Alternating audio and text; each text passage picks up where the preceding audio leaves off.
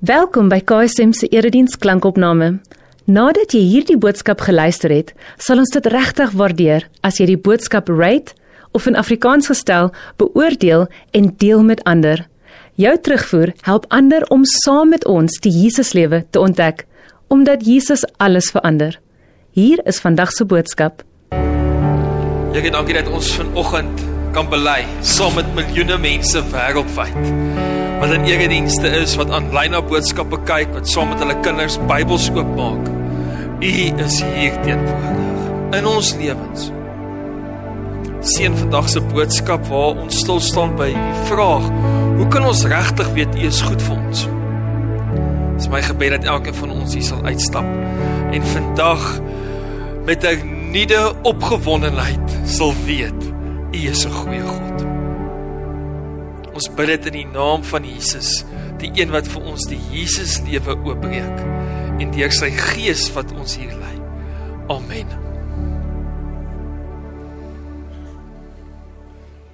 So vanoggend 5uur het ek gou gekyk na Neels se boodskap want Neels spreek vanoggend by Hippolaan en hy preek 'n bietjie oor besluitneming. Maar hy het nou vir my vorige week gesê, so ek was nou nogal geïnteresseerd om dit te kyk. Maar miskien sit jy hier vandag en jy voel Gerrit, ek's op 'n goeie plek in my lewe. Ek weet God is goed vir my, maar ek het nodig om 'n paar besluite te neem wat bietjie moeilik is. Kyk na Niels se boodskap. Die voorreg daarvan om deel te wees van 'n gemeente soos Kerk Sonder Mure en spesifiek van Kerk Sonder Mure is dat daar meer as een boodskap is. Jy kan verder gaan delf om Jesus lewe te ontdek en te leef. So hoe weet ek God is goed vir my? Wel die antwoord hierop is dat dit waarskynlik gaan verskil vir verskillende mense. En dis hoekom ek gevoel het ek wil hier ook preek vandag. Want ek dink die een persoon sal sê, ek weet God is goed vir my. Kyk hoe gelukkig getroud is ek. En sy beste vriend sal sê, maar ek's geskei. So dan kan dit seker nie die resultaat wees nie, seker reg. En die een sal sê, ek weet God is goed vir my. Kyk hoe goed gaan dit met my geld. En die ander een sal sê dink nie jy wil my kredietkaart sien nie. En die een sal sê ek weet God is goed vir my. Kyk hoe suksesvol is my kinders. En die ander een sal sê maar ek het nie eers kinders nie. So baie keer meet ons of God goed is vir ons op grond van dit wat die wêreld sê aan dit wat vir ons meetbaar is. En daarom julle is dit so belangrik dat ons as gelowiges wat die Jesus lewe wil leef, stil staan by hierdie vraag: Hoe weet ek God is goed vir my? Anders te gaan jy dit meet aan wêreldse standaarde en jy gaan op jou spreekwoordelike neus jouself bloedneus val. Want ergens gaan daar 'n oomblik kom wat jy agterkom, dit was nie soos wat ek gedink het dit is nie. Ons lees tans as predikante 'n boek met die naam The Church Called Tov en die woord Tov is eintlik tof T O V dis die Hebreëse woord vir goed. Want dis vir ons as preekspan as dominees belangrik dat ons 'n kultuur kweek in kerk sonder mure waar ons kan stil staan by daai belangrike tema dat God goed is vir ons. En dat die kerk 'n plek is waar ons daai goedheid beleef. Die hartseer is baie mense beleef nie altyd daai goedheid in kerke nie. Ons wil 'n kultuur kweek in kerk sonder mure waar ek en jy as lidmate van hierdie gemeente kan weet God is regtig goed vir ons. En hierdie tema was natuurlik belangrik in die vroeë kerk. In die vroeë kerk was daar hierdie beweging wat die gnostisie was en die gnostisie het 1900 jaar terug omtrent al gesê hulle is nie so seker of God regtig goed is nie. Kan jy hulle glo dit was binne in die kerk? En later buite die kerk. Hierdie mense het onder andere geglo dat God het half die hele aarde aan die gang gesit en dit was toe goed. En wat na dit gebeur het as gevolg van die sonde is, toe die aarde nie meer goed nie. En hierdie sonde wat in die aarde is en in die mens nou is as gevolg van Adam en Eva se sonde wat hulle gedoen het, maak dat ek en jy eintlik nooit God se goedheid volkome kan beleef nie. Ons weet vandag die teendeel is waar van Genesis tot Openbaring openbaar God homself as 'n goeie God. En daarom wil ek hê jy moet saam met my blaai so lank na na ehm um, na Genesis toe, Genesis 1. Terwyl jy blaai na Genesis 1 toe en die plek kry in die Bybel. Dis net 'n grappie. Ek glo almal sal in die plek kry by Genesis 1.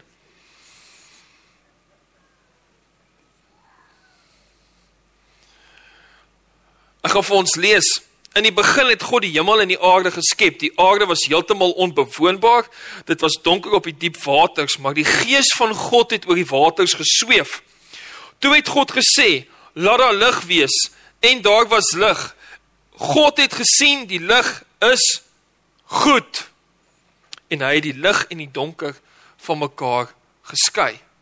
Die eerste keer wanneer ons sien dat God 'n emosie koppel aan enige iets waarmee hy besig is, as hy sê dit is goed.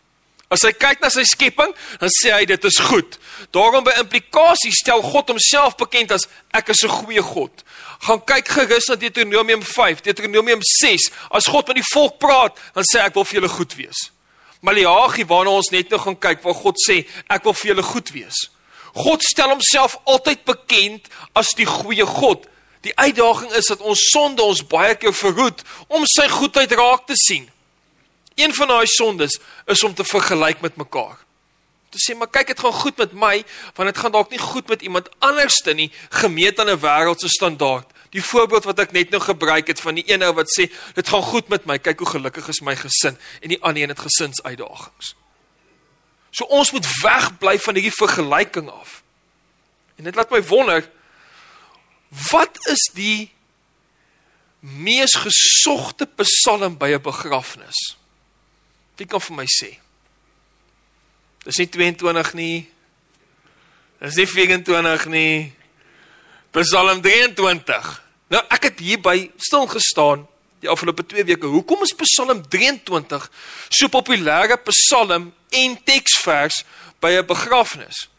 Nou ek het in my vorige gemeente 134 begrafnisse gehad in, in 6 en 'n half jaar se tyd. COVID-19 het dit nie enigstens makliker gemaak nie.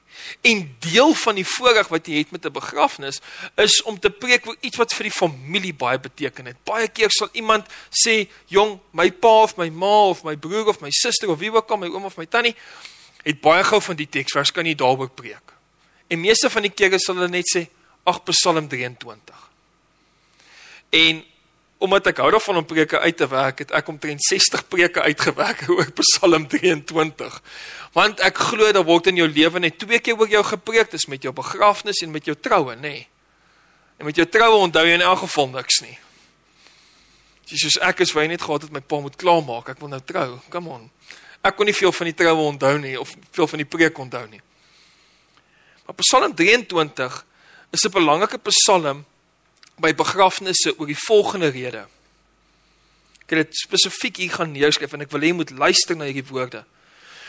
Ons wil beleef dat God se goedheid met ons is. Dat sy teenwoordigheid op 'n goeie manier deel is van ons lewens. As jy kyk na Psalm 23 dan begin dit deur te sê die Here is my herder, ek kom niks kort nie. En dan sien ons God se karakter en hoor dan hoe pragtig sluit dit af. Dit sê: "U goedheid en liefde sal my lewe lank by my bly." U goedheid en u liefde sal my lewe lank by my bly en ek sal tuis wees in die huis van die Here tot in lengte van dae. Diep binne in my en elkeen van ons wat hier sit se harte is daar die wete dat God as 'n herder goed is vir my vandag. Dis hoekom ons so soek na dit, want daar's baie keer buitefaktore wat maak dat ons dit nie kan raak sien nie. En daarom wil mense graag by 'n begrafnis herinner word aan Psalm 23 dat God se goedheid en liefde vir ewig is. Dit hou nooit op nie. Dis vir altyd daar. Hy is vir ons 'n goeie God.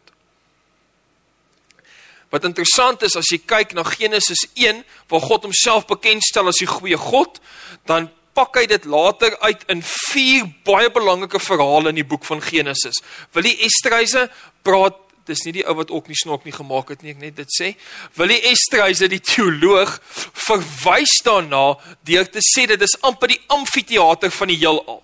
Ons sien dat God homself bekendstel as 'n goeie God wat goeie goed soek vir sy mense. Ons pleeg ongelukkig sonde en dan sien ons deur sekere verhale hoe God weer eens kom wys hoe goed is hy. Ons sien dit in Genesis 12 met Abraham, ons sien dit met Isak, met Jakob en met Josef. Die grootste deel van Genesis gaan oor 'n familie wat oor 4 generasies God se goedheid op verskillende maniere beleef. Ek gaan nie vandag stil staan by Isak nie, maar ek gaan vir ons stil staan in die volgende 10 minute. Eerstens by Abraham, dan by Jakob en dan by Josef en hoe hulle hierdie goedheid in hulle eie lewens beleef het. Dalk is daar 'n boodskap vir jou, ek glo daar is. As ons kyk na Abraham, dan word hy geroep deur God om weg te trek na 'n land toe wat God vir hom sal gee. En dan maak God sekere beloftes, sekere beloftes word reeds waar in Genesis 12. God gee vir hom 'n land. Hy rig 'n altaar op Genesis 12 vers 9. Hierdie altaar is die bedoeling dat God met hom 'n pad stap en hy beleef God se goedheid. En dan vat dit hom redelik lank om 'n kind te hê. Soveel so dat hy en sy slavinne kind verwek. Later gee God ook dan hom 'n kind. Dis Isak. En dan kom hy op die punt waar God sê ek wil hê jy moet vir Isak gaan offer, jou enigste seun. En my pa het die grap eendag gemaak toe ek 'n tiener was om te sê dit was nie vir Abraham moeilik om vir Isak te wil gaan offer nie want hy was 'n tiener seun. Ek was 'n tiener op daai stadium. Ek het nogal gedink dit is nie so mooi nie, maar okay. Maar vir Abraham om sy seun te gaan offer is om te sê ek trek 'n streep deur die belofte van God. Is ek reg? So mense wonder hoekom was dit vir Abraham maklik om te sê ek sal dit gaan doen? Want ek dink God het diep in sy hart geweet, hierdie goeie God wat vir my 'n seun gegee het, gaan dit nie nou van my af wegneem nie. Hierdie goeie God wat my laat weggaan uit Egipte nadat ek selfs daar swak besluite geneem het. Hy gaan nie my hy gaan nie net my kind nou vat nie. Hy gaan nie toelaat dat ek my kind offer nie. En dan gaan Abraham saam met twee slawe en op pad soontoe op 'n stadium los hy die slawe en dan gaan hy en Isak en hulle gesprek op die pad is Pa, waar is die lam? En dan sê hy die Here sal voorsien. Die Here sal voorsien want die goeie Here gaan nie maak dat ek jou as spreseer maak nie. Al weet jy nog nie wat op pad is nie. En luister dan na Genesis 22 vers 13 tot 14. Abraham het dan nou vir Isak vasgebind alles alles. So Isak moes op 'n stadium agterkom maar hierdie ek gaan nou geoffer word. Tog moes Abraham hierdie geloof gehad het dat die Here gaan vir my voorsien. Die goeie God gaan nie toelaat dat hierdie gebeur nie. En wat sien ons dan? Toe Abraham weer kyk, sien hy agter hom 'n skaapram wat aan sy horings in 'n bos vasgevang is. Hy het die ram gaan vat en hom in die plek van sy seun as brandoffer geoffer. Toe noem Abraham die plek en hierdie is baie belangrik vir jou om vandag te onthou. Die Here voorsien. Die Here voorsien. Dis 'n ander manier om te sê hier was die Here eintlik goed vir my. En dan hierdie wonderlike volgende frase julle word instrumenteel vir die verstaan van die res van die Bybel. Daar word nou nog gesê op die berg van die Here word voorsien op die berg van die Here, daar waar jy hom ontmoet op jou eie, daar voorsien hy vir jou. Dis daar waar jy 'n getuienis kry dat die goeie God met jou 'n pad stap. Duisende jare later sou God se eie seun ook so teen 'n berg gaan sit en begin preek oor wat dit beteken om werklik geseën te wees. En die mense sou kon sien, maar dit is 'n goeie God wat ons dien.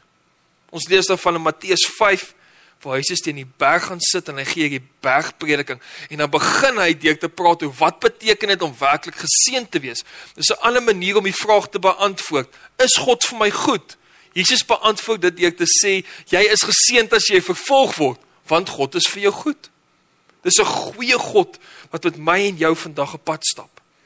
As ons dan nou kyk na na Jakob en Esau se lewe wat nou twee generasies na Abraham was, dit was nou eintlik sy kleinkinders dan sien ons dat in hierdie tweeling se lewe, hulle dit spesifiek sou sien as dit kom by by konflik.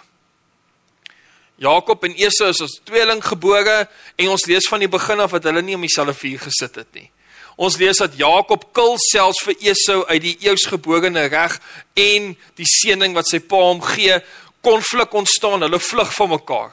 En dan lees ons later in Genesis 33 dat hulle op pad is om mekaar weer te ontmoet vir die eerste keer in baie jare. En dan lees ons dat Jakob die boodskap kry, sy broer is op pad met 400 man om hom te ontmoet. Nou ek weet nie waar julle groot geword het nie. Maar waar ek vandaan kom, As twee pelle met mekaar beklei het en hulle wil vrede maak, maar die een pel kom daarop met 400 man, dan maak jy jouself dalk eerder uit die voete en jy gaan nie. Beteken net een ding, hier kan 'n groot konflik wees. Maar Jakob op die ouene ontmoet vir Esau en dan gebeur daar iets baie baie spesiaal. Jakob gee vir sy broer Esau 'n geskenk, maar Esau soek nie die geskenk nie want hy sê die Here was vir my goed. Onthou jy is twee broers wat mekaar verpes het. Hulle het niks tyd vir mekaar gehad nie. Hulle het in verskillende dele van die wêreld gebly. Oor konflik. Dan sê Esau, ek ek wil vir jou 'n geskenk gee en Jakob sê maar ek wil vir jou ook een gee. Hoor nou wat gebeur in Genesis 33 vers 10 tot 11.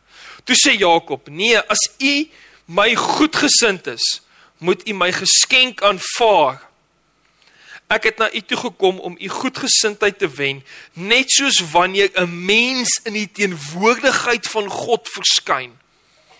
Dieselfde Jakob wat sy ouer broer gekil het, dieselfde Jakob wat gejok het, wat bedrieg het, besef hierdie oomblik met sy ouer tweelingbroer Esau is 'n heilige oomblik. Hy besef dis heilig, dis soos om in God se teenwoordigheid in te gaan. En dan sê hy God was vir my goed gewees. Hoor die volgende, hy sê: "Aanvaar tog my geskenk wat u vir my gebring het, wat wat vir u gebring is, want God was vir goed vir my en ek het ook genoeg. God was vir my goed." Mense wat beleef dat God werklik vir hulle goed is, is nie bang om in konfliksituasies te sê kan ek jou dien nie. Vandag weet ek, nie net as 'n dominee nie, maar as 'n man, as 'n pa vir my kinders, dat God vir my goed is want ek kan in 'n konfliksituasie ingaan en sê ek wil hier vrede bring. Jesus Christus was die vredemaker wat ons die Jesus lewe kom leer. Deel van daardie Jesus lewe is om te sê waar daar konflik is, sal ek omdat ek God se goedheid en guns en liefde beleef in daai situasie ingaan, want dan kom die vrede van Christus tussen mense. So as jy vandag twyfel of God God regtig vir jou goed is, miskien moet jy dalk gaan kyk in jou eie lewe. Miskien is daar ergens konflik wat moet opgelos word. Miskien is daai konflik nie tussen jou en iemand anders nie. Miskien is daai konflik met jouself. Miskien beleef jy 'n stuk konflik met jouself oor iets en sukkel jy om God se goedheid te sien want jy sien nie eie foute in jou mondering. En dan voel jy maar God kan nie vir my goed wees nie want ek het 'n konflik binne in myself. Dan wil ek vir jou sê miskien moet jy gaan praat met 'n dominee of netwerk vir die lewe kontak of saam met 'n vriend of in jou klein groep net bid en sê maar ek beleef konflik rondom iets. Bid saam met my dat ek God se goedheid weer kan vind. Wanneer ons kyk na Josef se lewe, dan sien ons spesifiek dat hy God se goedheid beleef te midde van die feit dat sy broers hom verkoop as 'n slaaf, beland in Egipte, sy broers sou kom dood. As jy die storie van Josef ken, sal jy weet dit is 'n storie wat eintlik vreesaanjaend is. En wat gebeur in daardie verhaal? Op die einde van sy lewe nadat hy die onderkoning van Egipte is, beland al sy broers voor hom, maar sy broers besef nie dis hulle broer wat hulle weggejaag het as 'n slaaf verkoop het nie. En dan op 'n stadium dan breek self sy mondering en dan begin hy met hulle praat en sê maar ek is Josef en hoor die volgende wat hy sê. Maar julle moet nou nie sleg voel of bang wees omdat julle my verkoop het nie want God het my vir julle uitgestuur om lewens te red. Wanneer ek en jy glo dat ons 'n goeie God dien, dan weet ons hy laat dinge ten goeie meewerk en dat ons baie keer in ons lewens eers baie jare later sal verstaan hoekom ons 'n klomp pyn en lyding moes beleef om God se goedheid raak te sien. Josef kan getuig van God se goedheid op daai stadium want dinge maak vir hom sin wat vroeër in sy lewe gebeur het. Dis hoekom Jesaja in Jesaja 38 vers 17 kan sê, dit was vir my goed om soveel te ly. Want selfs deur die lyding kon ek beweeg, terugkyk en God vind en sê, maar God is nog steeds vir my goed. God se bedoeling vir ons in Maleagi 3 is so pragtig. Hy sê, hulle, dit is nou ons wat sy kinders is, sal vir my 'n kosbare besitting wees die dag as ek ingryp. Ek sal goed wees vir hulle soos iemand goed is vir sy seun wat vir hom werk. Ek wil afsluit hier met julle 'n verhaal te deel wat ons in die Bybel vind. En dis die verhaal van die ryk jong man.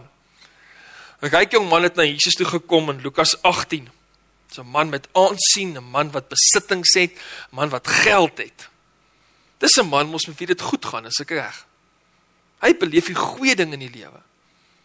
Maar tog kom hy na Jesus toe en hy vra: "Goeie leermeester, wat moet ek doen om die ewige lewe te verkry?" En dan doen Jesus 'n interessante ding. Hy antwoord hom die volgende: "Waarom noem jy my goed?" sien ons dink ons mag nie vra is God goed vir my nie. Jesus vra dieselfde vraag. Waarom noem jy my goed? Want die ryk jong man dink Jesus is 'n goeie leermeester, maar tog het hy iets kort, gaan ons in die res van die verhaal lees. Jesus gaan verder om te sê niemand is goed nie behalwe God alleen. Jy ken die gebooie. Jy mag nie egbreek pleeg nie. Jy mag nie moord pleeg nie, jy mag nie steel nie. Jy mag nie vals getuienis gee nie. Eer jou vader en jou moeder. En dan sê die ryk jong man vir Jesus, "Maar dit alles doen dit vandat ek 'n kind is. Ek doen dit al so goed." En Jesus, wat die goeie leermeester is, wat wil hê ons moet sien dat hy vir ons 'n goeie leermeester is. Kom sê vir hom, weet jy wat, jy kort net een ding.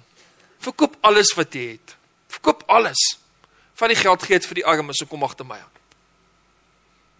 En dan lees ons in die res van hierdie verhaal dat hierdie jong man bedruk weggestap het want hy het baie besittings gehad. Hy het baie gehad. Dit was nie vir hom moeilik om die 10 gebooie te hou nie. Dit was vir hom moeilik om opofferings te maak. Baie van ons sukkel om te sien dat Jesus 'n goeie leermeester is omdat ons nie bereid is om die opoffering te maak om hom vandag in ons lewens raak te sien nie. Dit is so eenvoudig soos dit om die Jesus lewe te leef, die goeie leermeester te ken en volgens sy wil te leef, vra opoffering van my en jou. Dit gaan nooit ophou nie. Dit gaan aanhou tot die dag wat jy sterf. Maar as jy begin by die goeie leermeester, die goeie God wat vir jou die goeie dinge soek, jy meet dit op grond van sy woord.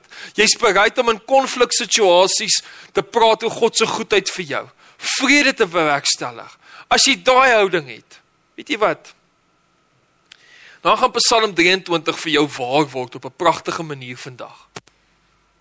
Daai laaste sin in Psalm 23 wat so mooi sê: "U goedheid en u liefde sal by my wees. En ek sal tuis wees in die huis van die Here tot in lengte van dae." Dis my gebed vir jou. Dis my gebed vir myself. Kom ons bid saam. Here ons meet so maklik of dit goed gaan met ons volgens wêreldse standaarde. Maar Here, U kom wys vir ons dat U woord 'n magtom wysheid het. Waar volgens ons eintlik kan meet of dit met ons goed gaan. Here, vandag gaan dit goed met ons want ons kan U ken. Vandag gaan dit goed met ons omdat ons bereid is om opofferings te maak om te sien dat die koninkryk hier naby is. Vandag gaan dit goed met ons Here omdat ons bereid is om in konflik en moeilike situasies te sê God is hier ook teenwoordig. Hierdie is 'n heilige oomblik. Hy is vir ons goed. Here vandag gaan dit goed met ons wat ons kyk na die skepping. Ons sien u liefde en u trou en ons weet dit dit gaan met ons goed want ons het u. Help tog Here dat ons nooit u goedheid en u liefde sal meet aan wêreldse standaarde nie. Maar dit wat ons in u woord vind. En dankie vir verhale uit die Ou Testament wat so mooi beklemtoon word in die Nuwe Testament deur Jesus van u goedheid. Vader, dankie dat ons in Psalm 23 ook nou aan die einde van hierdie diens kan bely. U goedheid en u liefde sal vir ewig met ons wees en ons sal tuis wees in u huis vir ewig en ewig en ewig en altyd. Amen. Indien hierdie boodskap vir jou betekenisvol was, oorweeg dit om in te teken vir ons nuusbrief, waarin ons weekliks hulpbronne en opkomende gebeure by KSM deel, sodat ons saam die Jesuslewe kan ontdek. Besoek ksm.co.za en word deel.